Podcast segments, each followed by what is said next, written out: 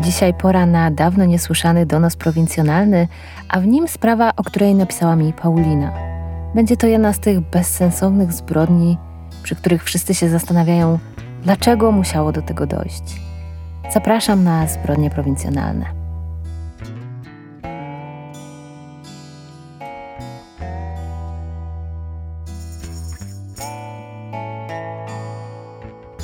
Zanim zaczniemy, chciałam tylko powiedzieć, że jestem świadoma tego, że ostatnio odcinki zbrodni prowincjonalnych pojawiają się dość nieregularnie i wielu z Was chciałoby, żeby pojawiały się częściej. Wiem, że niektórzy z Was się niecierpliwili.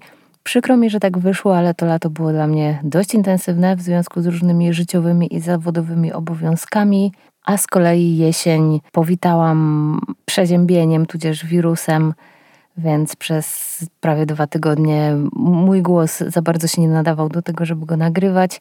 Także nic złego się nie dzieje z kanałem, spokojnie. Mam nadzieję, że teraz już znowu wejdę w ten rytm nagrywania, w którym byłam wcześniej i że te odcinki będą się pojawiały regularnie co tydzień, ewentualnie co dwa tygodnie.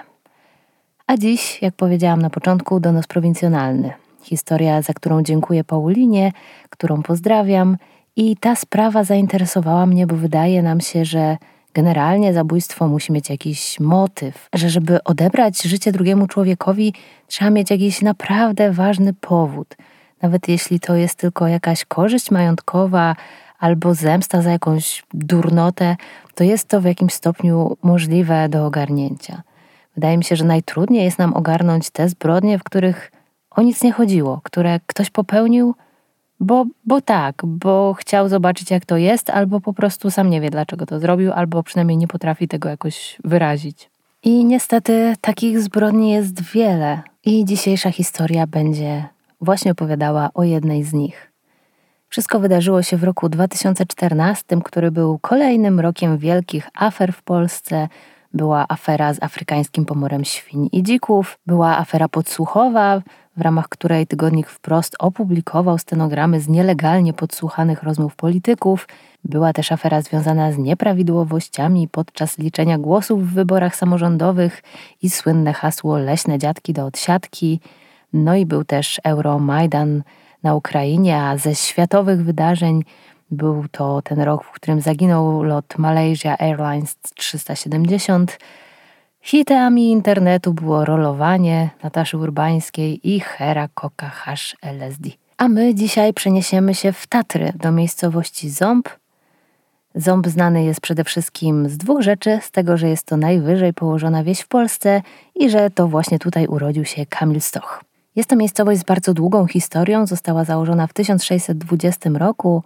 Obecnie jest tutaj około 400 gospodarstw rolnych – i żyje tu 1600 mieszkańców, także jest to wieś dość duża. Większość ludności utrzymuje się tu z rolnictwa i pasterstwa, czyli jednym słowem takie tradycyjne góralskie klimaty blisko Zakopanego, wystarczy zjechać na dół. To też sprawia, że sporo mieszkańców żyje tu też z turystyki. Demograficznie Ząb wygląda całkiem optymistycznie, bo populacja jest tutaj zauważalnie młodsza w stosunku do średniej krajowej, mniej więcej o 5 lat. Przyrost naturalny znajduje się na plusie. Niewiele, bo niewiele, ale biorąc pod uwagę, że średnia dla Polski to minus 3,2, a tu jest 0,2 na plusie, no to jest całkiem spora różnica. 93% mieszkań ma kanalizację, 80% spłukiwany ustęp, także jest to wieś taka całkiem dobrze sobie radząca z całkiem niezłymi warunkami. Gorzej, jeśli chodzi o rynek pracy. Obecnie bezrobocie wynosi tu 8,3%, w 2014 roku to było aż 14%. No i wynagrodzenia też nie są tutaj mimo wszystko najlepsze.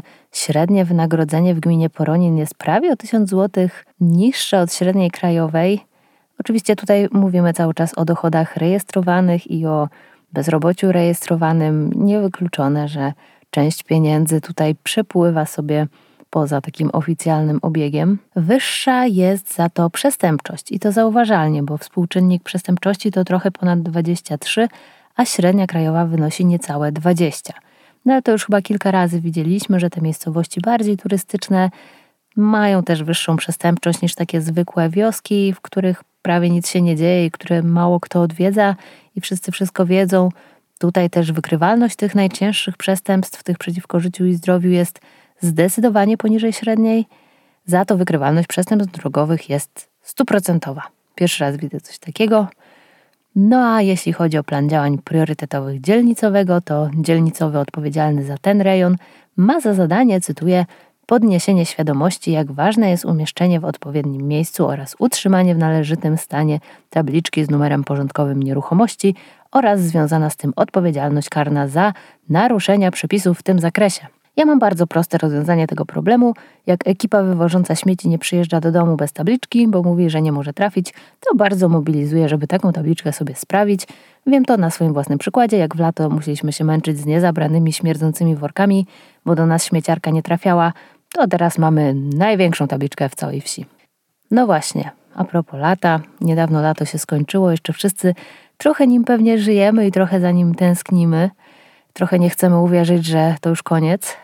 Więc ta historia będzie akurat, bo też dzieje się podczas wakacji w jednym z najpopularniejszych wakacyjnych miejsc w Polsce. Zawsze w tym czasie letnim jest więc Zawsze w tym letnim czasie jest więcej imprez, spotkań ze znajomymi, więcej przebywamy na świeżym powietrzu, no i też spożywamy więcej alkoholu, bo wiadomo, w ciepły wieczór jakoś tak lepiej wchodzi. No i niestety ten taki lekki imprezowy klimat, większa bystroska, większa aktywność sprawiają, że pojawia się wokół nas również więcej zagrożeń, więc wiele przestępstw, zaginięć ma miejsce właśnie w tym czasie letnim.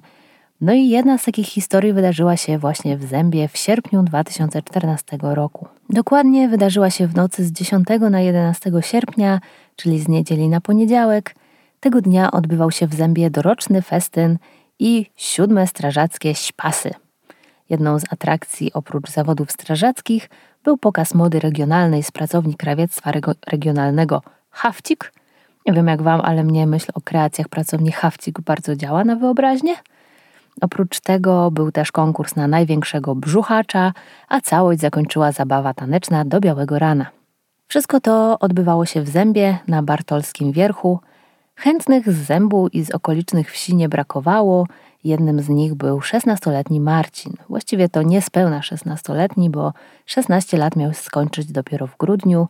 Było już po godzinie trzeciej w nocy, kiedy postanowił zakończyć zabawę i udać się w stronę domu. Marcin był już po całym dniu spędzonym na powietrzu, najpierw na festynie, później na zabawie, zapewne też trochę wypił, no był już zmęczony.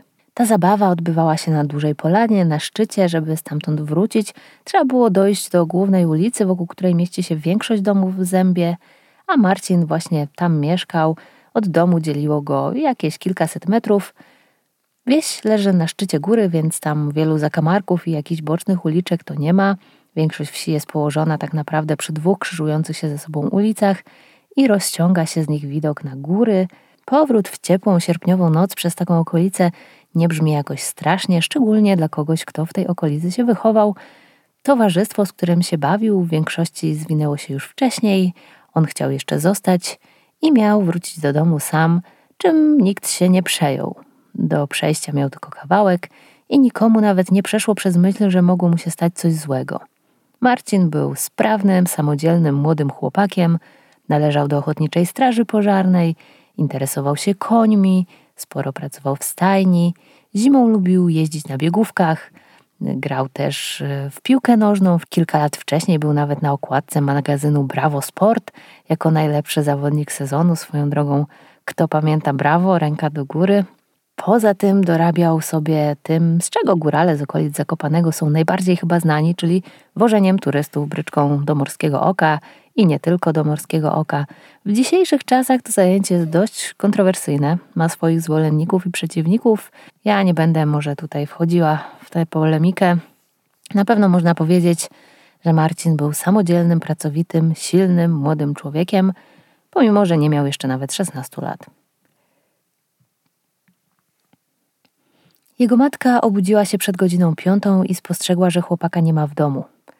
Wcześniej przed pójściem spać rozmawiała jeszcze ze swoją córką, która bawiła się razem z Marcinem na polanie i ta zapewniła ją, że wszystko jest w porządku, że chłopak dobrze się bawi. Teraz jednak zabawa na Bartolskim Wierchu już się skończyła, no i chłopak powinien już być w domu. Matka wyszła więc y, przed dom na podwórko, zaczęła krążyć po obejściu, po pobliskich łąkach, polach. Może podejrzewała, że Marcin upił się i padł gdzieś po drodze, jednak nie znalazła go. Wróciła do domu, ale już nie mogła zasnąć i czuła, że musiało wydarzyć się coś złego. Poniedziałkowy ranek w zębie upływał pod znakiem kaca, bólu głowy i tupotu białych mew, choć w Zakopanem to może nie mew, tylko nie wiem, kozic albo niedźwiedzi. Wielu tego dnia zaspało do pracy, zaniedbało poranne obowiązki. Niektórzy jeszcze nie trafili do swoich domów i własnych łóżek, tylko zapodziali się gdzieś po drodze.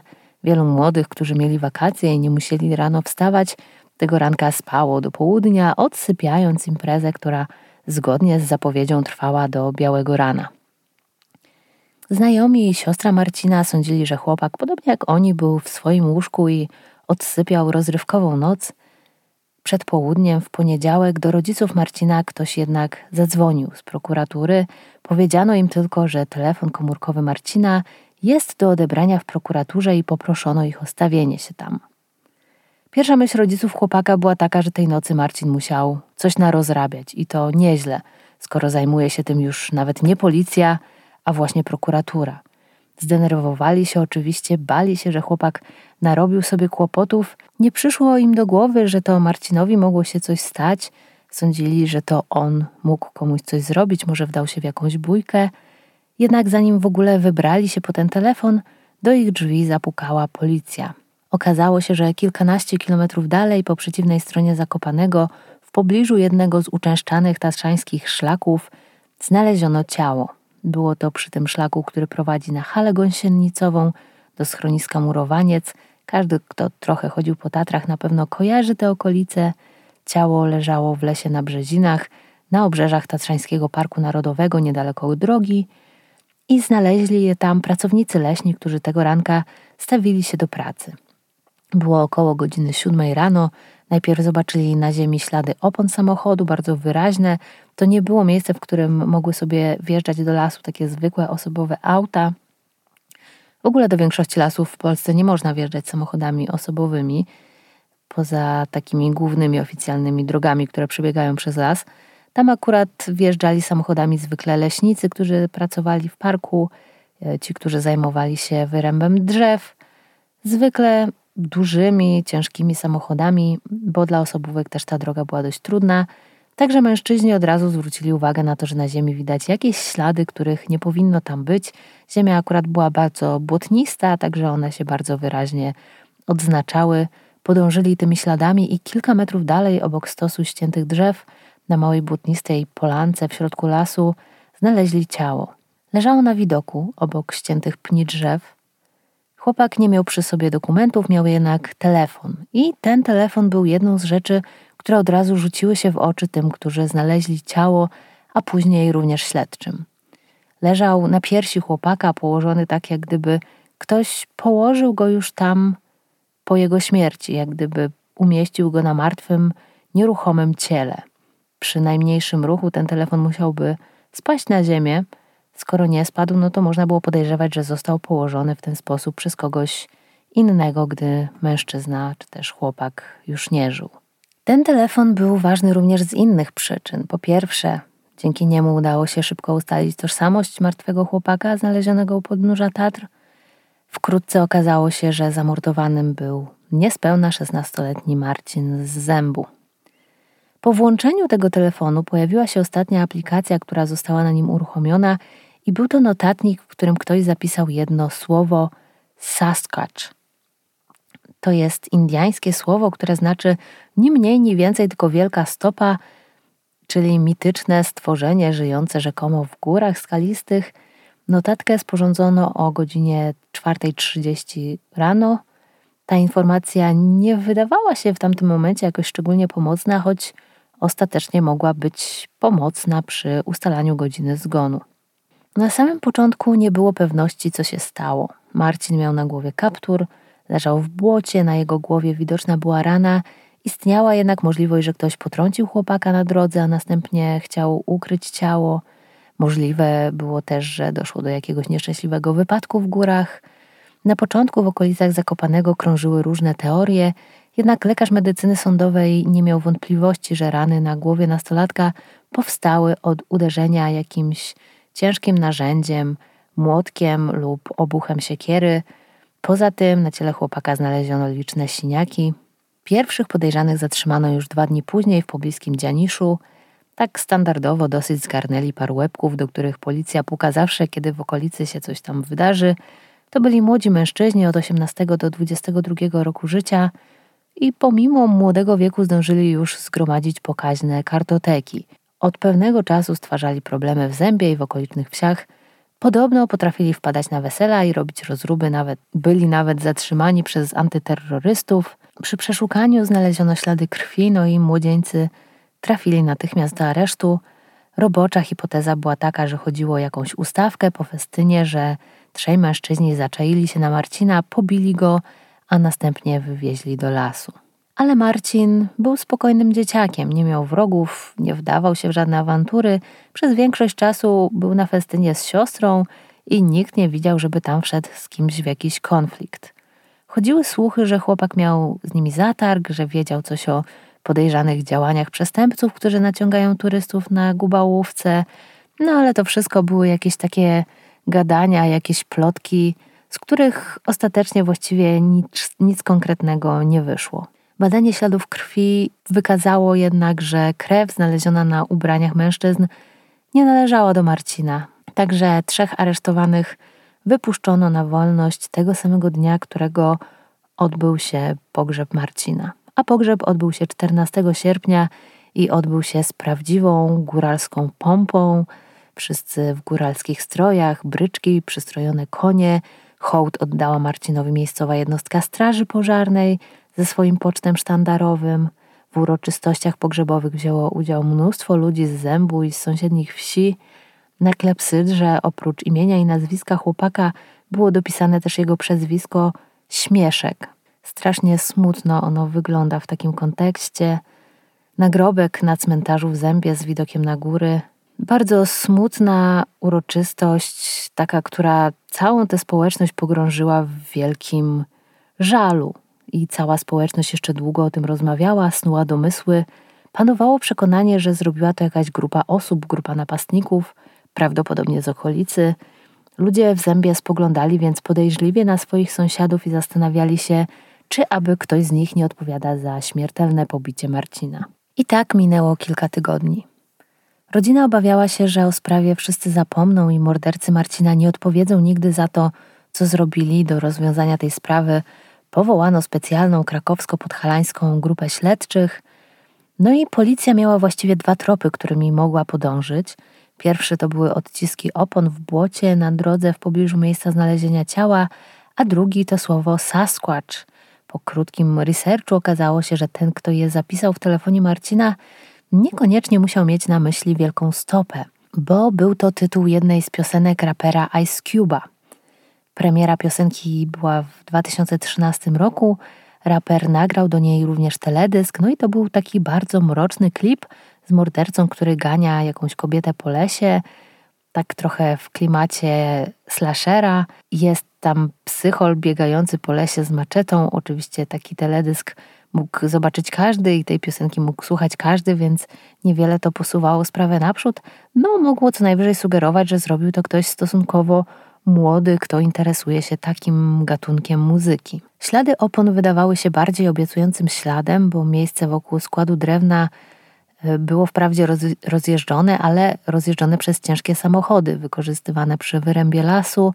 Ślady opon samochodu osobowego wyróżniały się więc i dzięki nim można było wytypować auta jeżdżące w tej okolicy, które mogły mieć taki rodzaj opon, opon ale to nie był żaden niespotykany typ. Także też na początku niewiele to pomogło.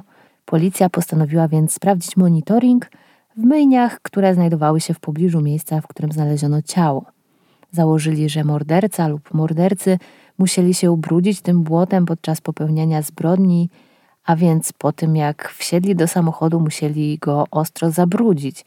Również ten samochód z zewnątrz musiał być brudny, skoro przejechał przez tę błotnistą polanę, istniało zatem duże prawdopodobieństwo, że sprawca mógł to auto chcieć wyczyścić. No i to wreszcie przyniosło efekt. Na początku września policja aresztowała właściciela bordowego Audi A4. Był nim 22-letni Józef z Suchego, wsi sąsiadującej z Zębem.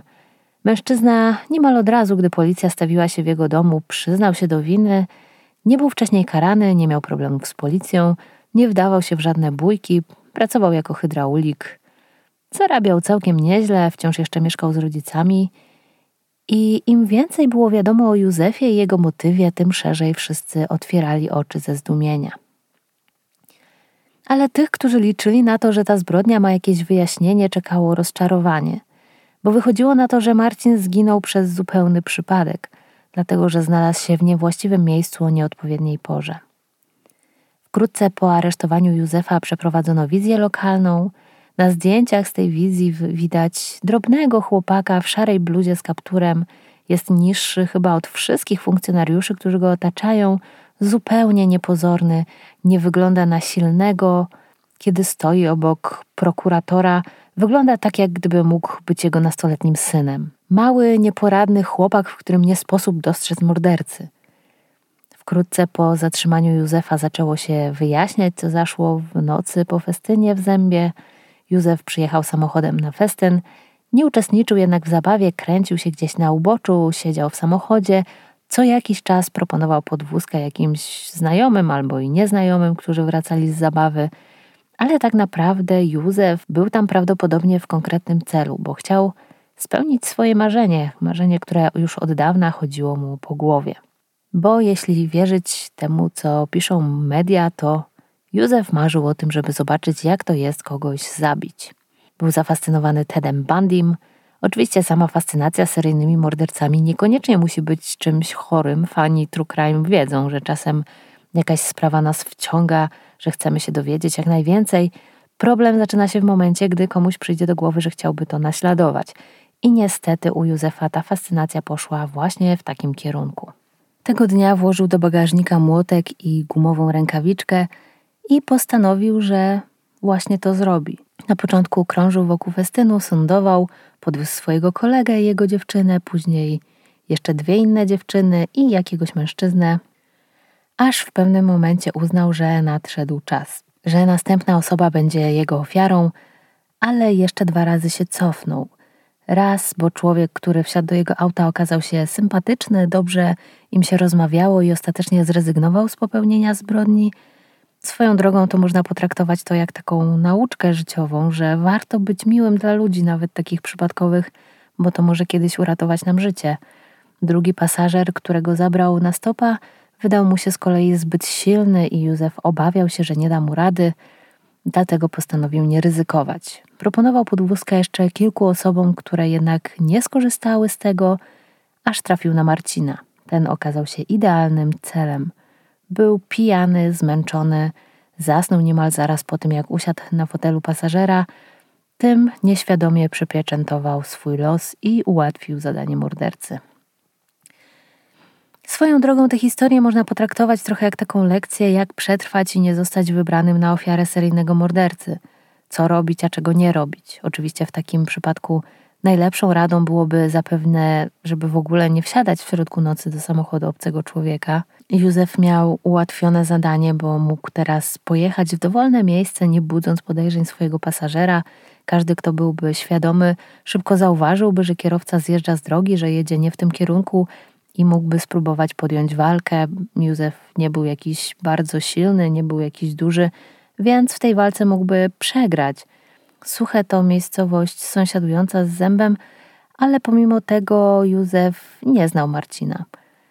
Nie miał pojęcia, kim był, nic go z nim nie łączyło. Różnica wieku między nimi to było jakieś 6-7 lat, ale w tym wieku to jest dużo. Jeden jest nadal nastolatkiem, który chodzi do szkoły, mieszka z rodzicami, drugi już pracuje, jest samodzielny, może założyć rodzinę. Akurat Józef tego nie zrobił, no ale mógłby. Ząb i Suche to duże wsie, też położone na dość dużej przestrzeni, także wcale nie muszą się tam wszyscy znać. Zasypiając, Marcin stracił też od razu szansę na to, żeby zbudować jakąś więź, wzbudzić sympatię Józefa. Także Marcin w momencie, gdy zasnął, stał się całkowicie bezbronny i morderca natychmiast to wykorzystał. Wyjechał daleko poza ząb, na drugą stronę do granic Trzeńskiego Parku Narodowego. Tam wyciągnął z auta chłopaka, który nawet się za bardzo nie bronił, nie walczył odruchowo, tylko próbował się zasłaniać przed ciosami. Łącznie otrzymał pięć uderzeń w potylicę, natomiast już to, to pierwsze uderzenie było śmiertelne, jak później wykazała autopsja. Później Józef przyznał, że kiedy popełniał morderstwo, odczuł ulgę, uspokoił się, nie spanikował, próbował jeszcze przy użyciu gałęzi zatrzeć ślady, które zostawił w błocie na miejscu zbrodni, a następnie odjechał. Po powrocie do domu przebrał się w czyste ubrania, młotek schował do reklamówki, a następnie pojechał do myjni w Poroninie, żeby wyczyścić samochód z błota. Zmęczony po tej pracowitej nocy zaspał i spóźnił się do pracy – Dopiero jakiś czas później pozbył się narzędzia zbrodni, zakopując je gdzieś w lesie. I przez kolejny miesiąc żył tak, jak gdyby nic się nie stało. Jego bliscy nie zauważyli w nim żadnej zmiany i byli w szoku, gdy okazało się, że to Józef jest zabójcą nastolatka z zębu. O tym, kogo zabił, dowiedział się dopiero z radia. Wcześniej nie wiedział nawet, jak chłopak miał na imię. Rodzina Józefa mówiła później, że był on łagodnym chłopakiem, że obrzydzał go widok krwi, nawet nie potrafił zabić kury na obiad. Nie wiem, czy to takie nawet, ja też bym nie potrafiła, pomijając, że nie jem mięsa, więc w ogóle nawet bym nie próbowała, ale pewnie większość ludzi żyjących w miastach nie umie tego zrobić. No ale na wsi to może taka umiejętność jest bardziej powszechna, choć raczej też nie jest tak, że każdy umie zamieć kurę. Z moich doświadczeń wynika, że zawsze jest wśród sąsiadów ktoś taki, kto ma tę sprawność, taki miejscowy kurzy kat, który pomaga innym przy takich egzekucjach. No, nieważne. Ciężkie jest życie kury na zbrodniczej prowincji. Tym razem okazuje się, że nie wszyscy mordercy lubią robić krzywdę zwierzętom. Józef nie był oczywiście jeszcze seryjnym mordercą, ale sądząc po jego motywacji i po tym, z jakim spokojem i determinacją zrealizował swój plan, to, że ta zbrodnia wywołała w nim jakieś takie uczucie spokoju, no to można podejrzewać, że nie zatrzymałby się na jednej ofierze i że te zbrodnie by się powtarzały. Także całe szczęście, że został zatrzymany po tym, jak po raz pierwszy zabił, bo później mógłby się stawać coraz bardziej niebezpieczny. Zapytany o to, dlaczego to zrobił, Józef nie umiał powiedzieć. Przywoływał różne wydarzenia ze swojego życia, na przykład to, że cztery lata wcześniej rozstał się z dziewczyną i był później w depresji, że nawet próbował się z tego powodu zabić. No ale to wyjaśnienie jakoś nie bardzo przemawiało do policjantów, którzy z nim rozmawiali. Rozstanie z dziewczyną w wieku 18 lat, no spoko, może być bolesne, ale kto nie przeżył czegoś takiego w podobnym wieku? Czy to jest powód, żeby cztery lata później zamordować przypadkowego chłopaka? No tak średnio to się jakoś składa. Później, kiedy pierwsze emocje minęły, Józef żałował swojego czynu. Chciał nawet pójść na pogrzeb Marcina, żeby jakoś przeprosić za to, co zrobił, pożegnać się. Ostatecznie jednak musiał w tym czasie pracować, a bał się pewnie prosić o wolne na pogrzeb, no bo oficjalnie nie znał tego chłopaka, nic go z nim nie łączyło i mogłoby to obudzić czyjeś podejrzenia. Zanim prokuratura przedstawiła akt oskarżenia, trzeba było sprawdzić, czy Józef był w pełni poczytalny w momencie popełnienia tej zbrodni, czy jest osobą zdrową psychicznie, jednak obserwacja psychiatryczna nie potwierdziła u niego żadnej choroby, żadnych zaburzeń, które mogłyby sprawić, że Józef był niezdolny do tego, żeby stanąć przed sądem. Akt oskarżenia trafił więc do Sądu Okręgowego w Nowym Sączu kilka miesięcy później. W czerwcu 2015 roku ruszył proces w sprawie zabójstwa Marcina z Zębu, jednak proces przebiegał z wyłączeniem jawności – Dziennikarzom nie pozwolono na wysłuchanie zeznań oskarżonego, te zeznania nie zostały podane do wiadomości publicznej.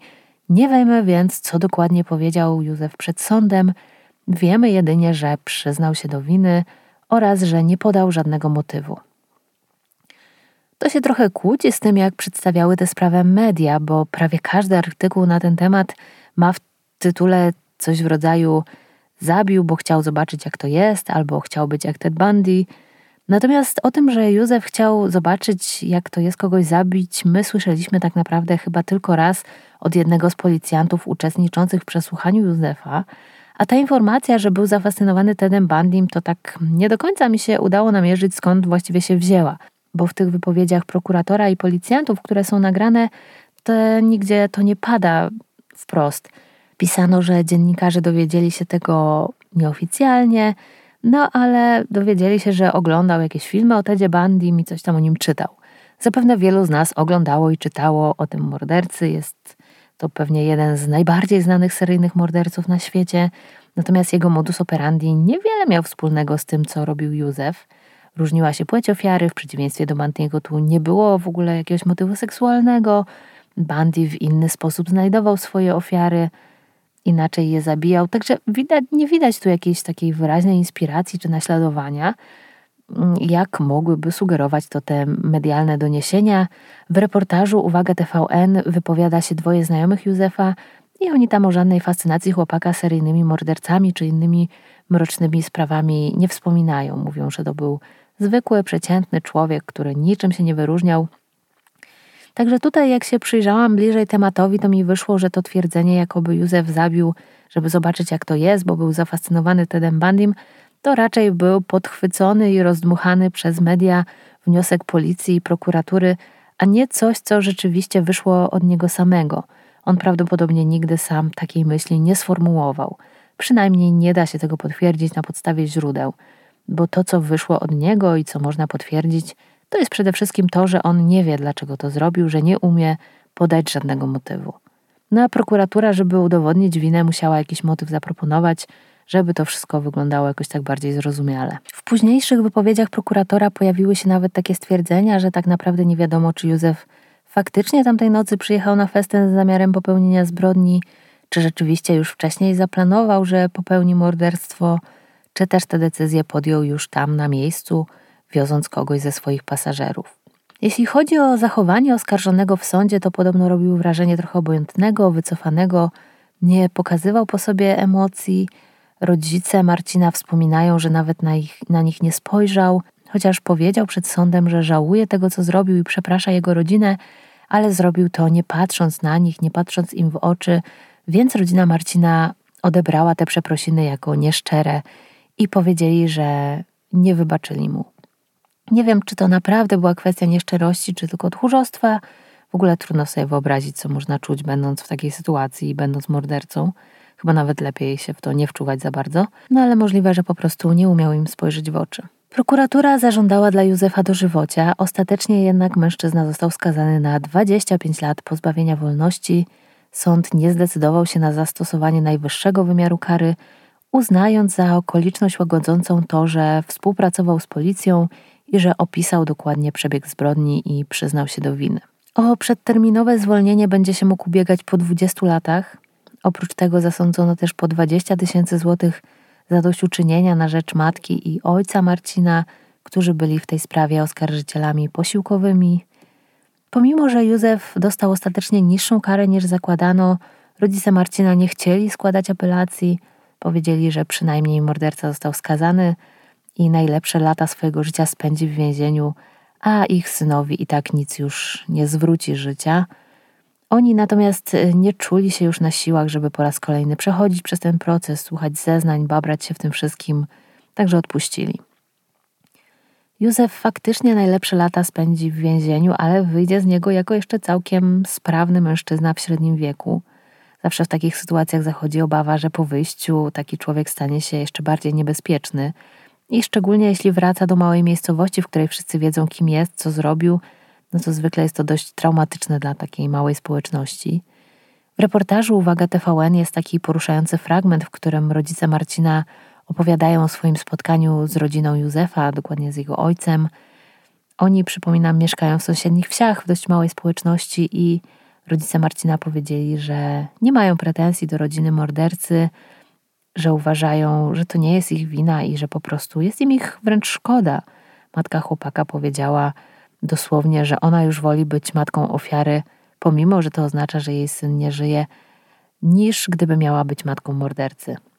Mocne słowa, jak się nad tym zastanawiam, to w sumie nie wiem, co ja bym wolała i nie wiem, co jest gorsze.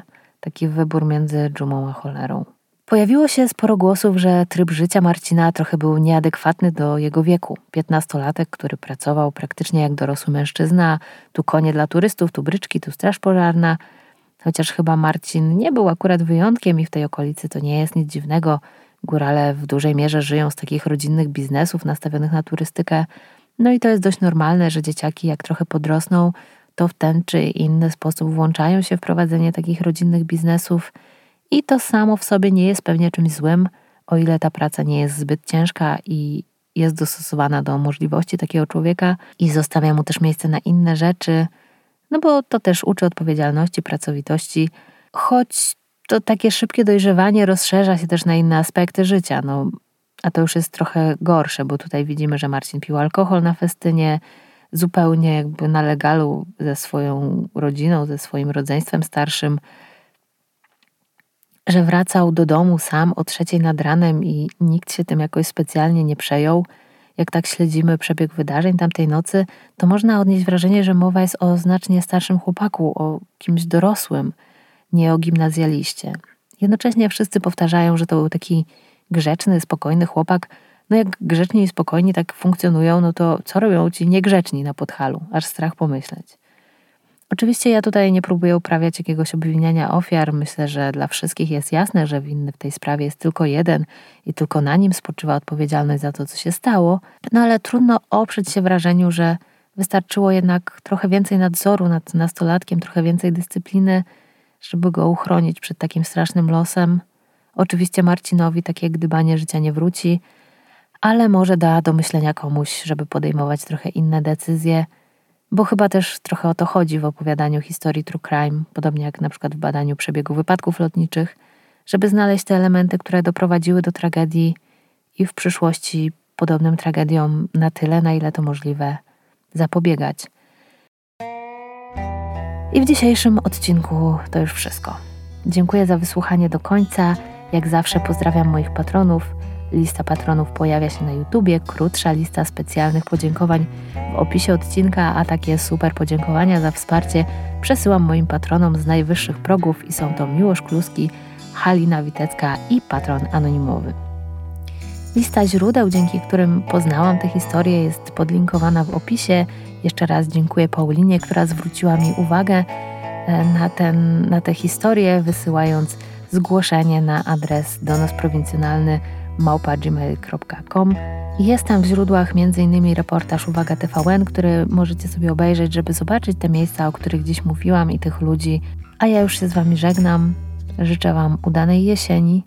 Niedawno rozmawiałam z kimś, że jesień to taki idealny czas na słuchanie podcastów True Crime, także postaram się wrócić do regularnych publikacji, żebyście mieli czego słuchać.